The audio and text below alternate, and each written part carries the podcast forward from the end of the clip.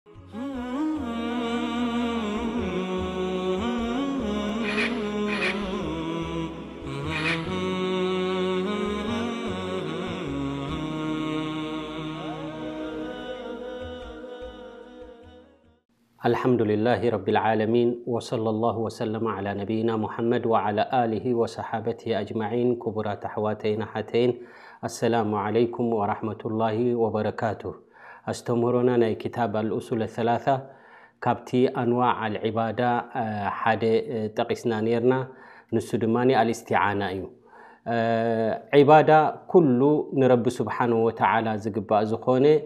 ናብ መኽሉቕ እንተ ኣውዒልካዮ ኣብ ሽርኪ ስለ ዘውድቐካ ኣየናይ እቲ ዒባዳ ኣየናይ እቲ ዒባዳ ዘይኮነ ክትመምዮን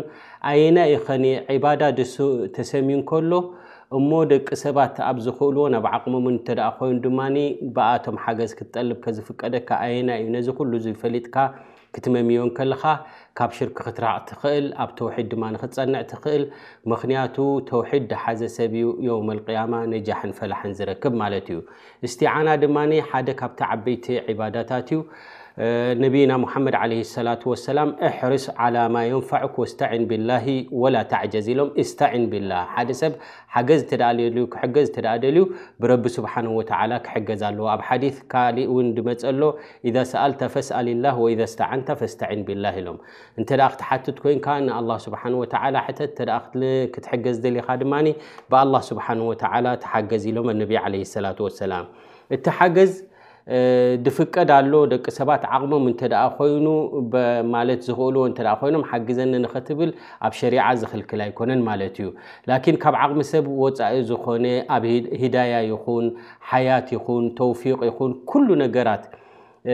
ብጀካ ረቢ ስብሓን ወተዓላ ዝውንኖን ዝኽእሎን ዝኾነ ናብ ካልእ መክሉቅ እንተ ኣውዒልካዩ ግን ኣብ ሽርኪ የውድቐካ ማለት እዩ እምበኣረይ እዚ እስቲዓና እዚ ኣብ ክልተ ይኽፈል ማለት እዩ እስቲዓ ማለት ቅስም ማሕሙድ ኣሎ ወቅስም ድማ መዝሙም ኣሎ ፅልኡን ከምኡ ድማ ምስጉንን ዝኾነ ኣሎ ማለት እዩ ኣየና እዩ እቲ ድተፀልአ ኣብ ሸሪዓ እንተ ኢልካ ሁወ ልእስቲዓነቱ ብልኸልቅ ፊማ ላ የቅዲሩ ዓለይህ ኢላ ላህ ካብ ፍጡራት ክትሓትት እንከለኻ እሞ ድማ ብጀካ ረቢ ስብሓን ወተዓላ ዝኽእሎን ዝውንኖን እናሃለወ ናብ መክሉቅ ከድካ ክትልምንን ክትፅጋዕን ሓግዙኒ ክትብል እንከለኻ እዚ እዩ ኣብቲ ሽርኪ ዘውድቐካ ማለት እዩ ከኢጃበት ዱዓ ወክሽፍል በላእ ወልሂዳያ ማለት ዱዓኻ ክሰምዓካ ዝኽእል ክቕበለካ ዝኽእል ብጀካ ረቢ ስብሓን ወተዓላ ኻሊእ የለን እንተ ንኻሊእ እንተ ለሚንካ እንተ ዱዓ ጌርካ ሃቡኒ ኢልካ ድማ እሞ ምሳኻ ዘየለዉ ውላድ ዲኻ ጠሊብካ ጥዕና ዲኻ ንዓቶም እተ ለሚንካ ኣብ ሽርክ የውድቐካ ማለት እዩ ከሽፊ ልበላ ሽግር እንተ መፅኡ ነቲ ሽግር ከልዕሎ ዝኽእል የለን ከምኡ ድማ ሂዳያ እንተ ኮይኑ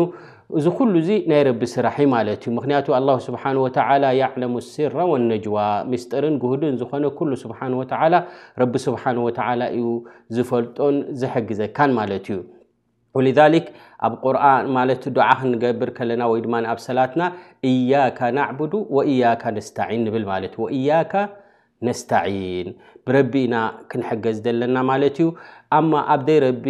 ማለት ንመክሉቂን እንተ ትልምኖም እንተ ኮይንካ ዱዓ ጌርካ ንዓቶም ተሓደሩናን ከምዝግበሩልናን እንተ ትብሎም እንተ ኮይንካ እዚ ኣብ ሽርክ እዩ ዘውድቐካ ምክንያቱ ረብና ዘ ወጀል ኣብ ሱረት ኣዕራፍ እንታይ ይብል እነ ለذነ ተድዑነ ምን ዱን ላሂ ዒባዱን ኣምሳልኩም ነቶም ንረቢ ገዲፍኩም ትፅውዕዎም ዘለኹም እዚኣቶም ከማኻትኩም ባሮት እዮም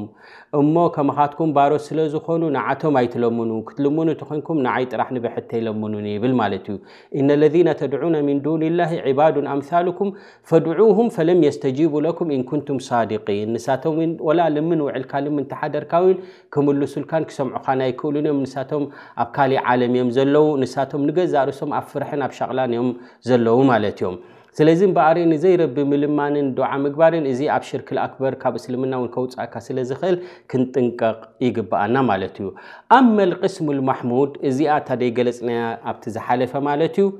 እቲ ምስጉን ዝኾነ ረቢ ስብሓን ወተዓላ እውን ዝፈትዎ ኣየናይ እዩ እንተ ኢልካ ፍትው ኣብ እስልምና እስቲዓና ፈሁወ ልእስቲዓነቱ ቢላሂ ተዓላ ዋሕደሁ ብረቢ ንብሑት ንኣላህ ስብሓን ወተዓላ ጥራሕ ሓግዘኒ ክትብል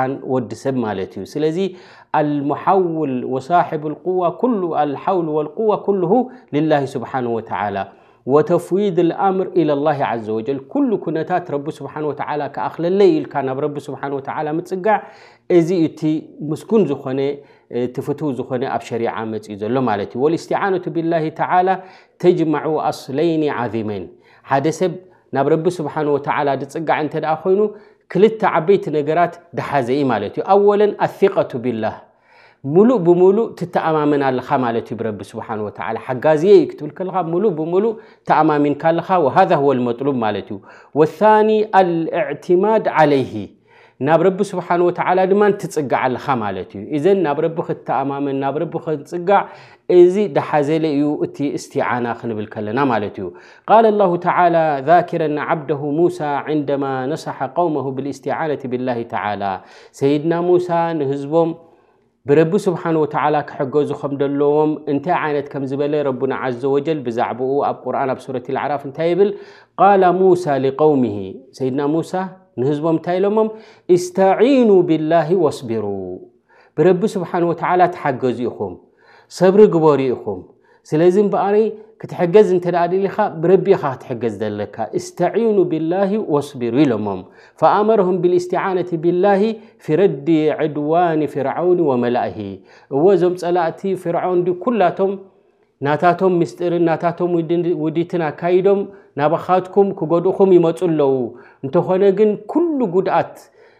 ከልዕሎ ዝኽእል ክቕንጥጦ ዝኽእል ኣላህ ስብሓን ወተዓላ ስለዝኾኑ ስለ ዝኾነ እንታይ ክትገብሩ ኣለኩም እስተዒኑ ብላሂ ወስቢሩ ኢልዎም ማለት እዩ እዘን ይኣኽዋን እዚ እስትዓና እዚ ኣሃምየት ልእስትዓና ብላሂ ፊ ሓያት ልሙእሚን ዓዚም ማለት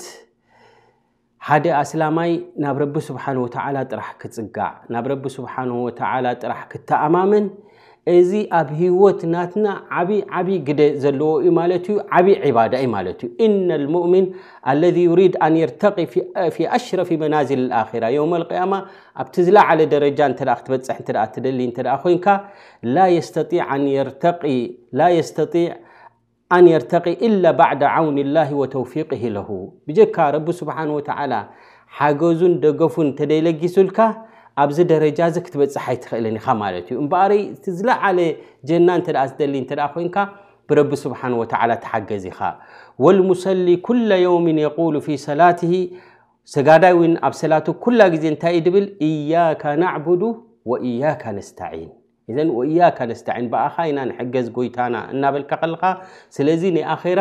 ኩሉ እትደልዮ ከምኡ ድማ ናይ ኣዱንያ ብረቢ ስብሓን ወተዓላ ኢኻ ክትሕገዝ ዘለካ ማለት እዩ ወላኪን ከራ ምና ናስ የቕፈሉና ዓን ልእስቲዓነት ብላ ብዙሕ ሰብ ኣሎ እስቲዓና ኣብ ረቢ ስብሓን ወተዓላ ብጣዕሚ ጉድለት ዘለዎ ኣሎ ማለት እዩ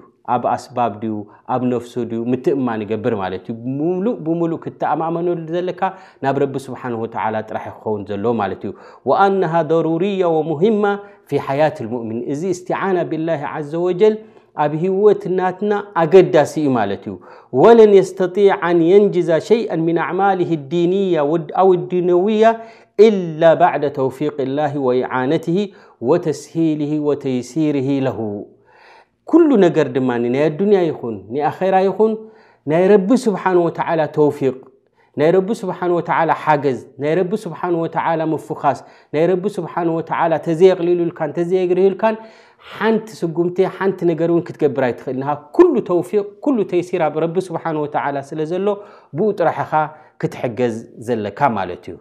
እምበኣር ብዛዕባ እዚ እስትዓና እዚ ኣገዳሲ ስለ ዝኾነ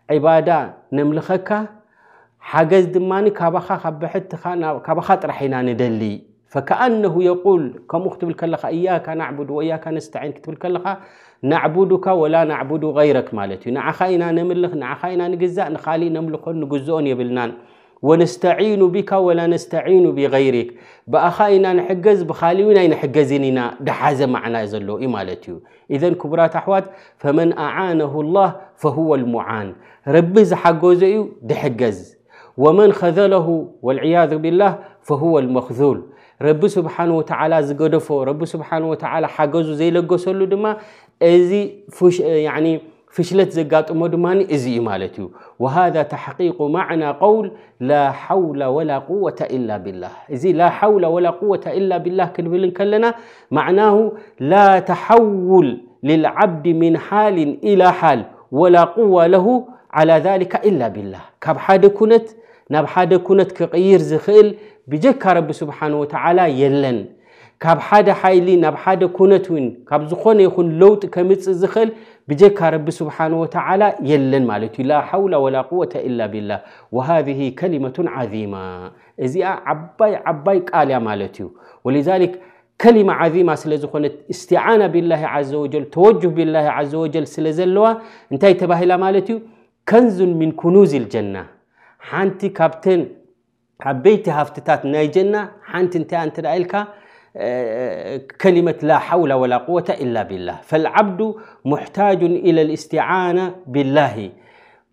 ባርያ ኩላትና ማለት እዩ ካብ ረቢ ስብሓን ወተዓላ ሓገዝ ደለይቲ ኢና ፊ ፍዕል ልማእሙራት ወተርክ ኣልማሕዙራት ሰናይ ግብርታት ንክንሰርሕ ረቢ ስብሓን ወተዓላ ድኣዘዞ ንክንፍፅም ይኹን ነቲ ዝኸልከሎ ክንክልከል ኩሉ ነገር እስቲዓና ካብ ረቢ ኢና ንደሊ ንጠልብ ማለት እዩ ወሰብሩ ዓላ ልመቅዱራት ኩልሃ ፊ ዱንያ ኣብ ኣዱንያ ይኹን ኩሉ እሙር ወዕንደ ልሞት ኣብ ግዜ ሞት ይኹን ወባዕደሁ ምን ኣህዋል ልበርዘኽ የውም ልቅያማ ኣብ ቀብሪ ምስ ኣተኻ ኣሕዋል ልበርዘኽ ዘሎ ወላ የቅዲሩ ዓላ ልእዓነት ዓላ ዛሊካ ኢላ ላ ዘ ወጀል ነዚ ኩሉ እዚ ኩነታት ኣብ ኣዱንያ ክንደይ ዕንቅፋታት ኣሎ ምስ ሞትካ ኣብ ቀብሪ ክንደይ ሕቶን ከምኡ ድማ ፀገማትን ኣሎ እዚ በርዘኽ ይበሃል ማለት እዩ ከምኡ ድማ ማሕሸር ኣሎ ከምኡ ስጋብ ጀና ትኣቱ ብዙሕ ነገራት ብዙሕ መጠባት ብዙሕ ዕንቅፋታት እዩ ዘሎ ነዚ ኩሉ እዚ ክሕግዘካን ክረድእካን ዝኽእል ተሐገዞ ብጀካ ሓደ ረቢ ስብሓን ወተዓላ ካልእ የለን ማለት እዩ ፈመን ሓቀቀ እስትዓና ዓለይህ ፊ ሊካ ኩልሂ ኣዓነሁ ናብ ረቢ ስብሓን ወተዓላ እንተ ደኣ ብሓቂ እንተ ደኣ ትምርኮስ እንተ ደኣ ኮይንካ ናብ ረቢ ስብሓን ወተዓላ እንተ ደኣ ሓገዝካ ትጠልብ እንተ ደኣ ኮይንካ ድማ ረቢ ስብሓን ወተዓላ ንኹሉ ይሕግዘካ ማለት እዩ ወመን ተረከ ልእስትዓና ብላህ ወስተዓና ብغይርሂ እንተ ደኣ ንረቢ ስብሓን ወተዓላ ሓግዘኒ ምባል ገዲፉ ከምኡ ድማ ብኻሊእ ድሕገዝ ብኻሊእ ክሕገዝ ዝዘሊ እንተ ደኣ ኮይኑ ወከለሁ ላሁ ኢላ መን እስተዓና ብሂ ፈሳራ መክዙላ ናብቲ ተጸጊዕካዮ ዘለኻ ናብቲ ተኣማሚንካዮ ዘለኻ ናብኡ ድማ ንረቢ ስብሓን ወተዓላ ይገድፈካ ዓወት ዘይብልካ ድማ ትተርፍ ማለት እዩ ወሊዛሊክ ሓደ ካብቶም ሳልሒን ንሓደ ሓዉ ክመኽሮ እንከሎ ክጽሕፈሉ ከሎ እንታይ ኢልዎ ላ ተስተዒን ብغይር ላህ ኢልዎ ብዘይ ረቢ ከይትሕገዝ ኢልዎ ፈየኪለከ ላሁ ኢለይሂ ረቢ ስብሓን ወተዓላ ናብኡ ከይገድፈካ እምበኣር ኩሉ ነገራትካ ክትሕገዞ ዘለካ ናብ ረቢ ስብሓን ወተዓላ ጥራሕ እዩ ክኸውን ደለዎ ማለት እዩ ወምን ከላሚ ባዕዲ ሰለፍ እንታይ ይብሉ ካብቶም ቀዳሞት ዝነበሩ ነቲ እስትዓና ኣብ ቁርን ደሎ ሓያት ናይ ኣንብያ ናይቶም ሳልሒን ንኩሉ ምስ ረኣዩ ኩሉ ነገር ዝገርም እዩ ኢሎም ብደይ ረቢስ ከመይ ጌርካ ሓገዝ ናብ ካልእ ትደሊ ወልሊክ እንታይ ኢሉ ያ ረቢ ይብል ዓጅብቱ ሊመን ያዕሪፉካ ከይፈ የርጁ ገይረክ ኣነ ይገርመኒ እዩ ይብል ኣንታ ጎይታይ ንዓኻ ፈሊጡ ናብ ካሊእ ተስፋ ዝገብር ስኒ ዝገርም እዩ ይብል ዓጅብቱ ሊመን ያዕሪፉካ ከይፈ የስተዒኑ ብገይሪክ ንዓኻ ፈሊጡ ስኒ ብካሊእ ድሕገዝ ስኒ ናይዚ ኩነታት እዚ ናይ ሰብ እዚ ዝገርም እዩ ይብል ምክንያቱ ኣላሁ ስብሓን ወተዓላ ንኹሉ ነገር ዝኣኽለልካ ስለ ዝኾነ ናብኡ ጥራሕ ኢኻ ክትጽጋዕ ዘለካ ማለት እዩ እንተኾነ ኣብ መተዓውን ወልእስትዓና ፊማ የቅድሩ ዓለይህ ልእንሳን ፈጃእዝ ወላ ሓረጅ ድኽእልዎ ደቂ ሰባት እንተ ደኣ ኮይኖም እዚኣ ከምዚኣ ግበረለ ኢኻ ኣብዚኣ ተሓባበረኒ ኢኻ ኣብዚኣ ከምዚኣ ጌርካ ሓግዘኒ ኢኻ ክትብል ኣብ ደቂ ሰባት ዝኽእልዎ እንተ ደኣ ኮይኑ ግን እዚ እውን ሸርዒ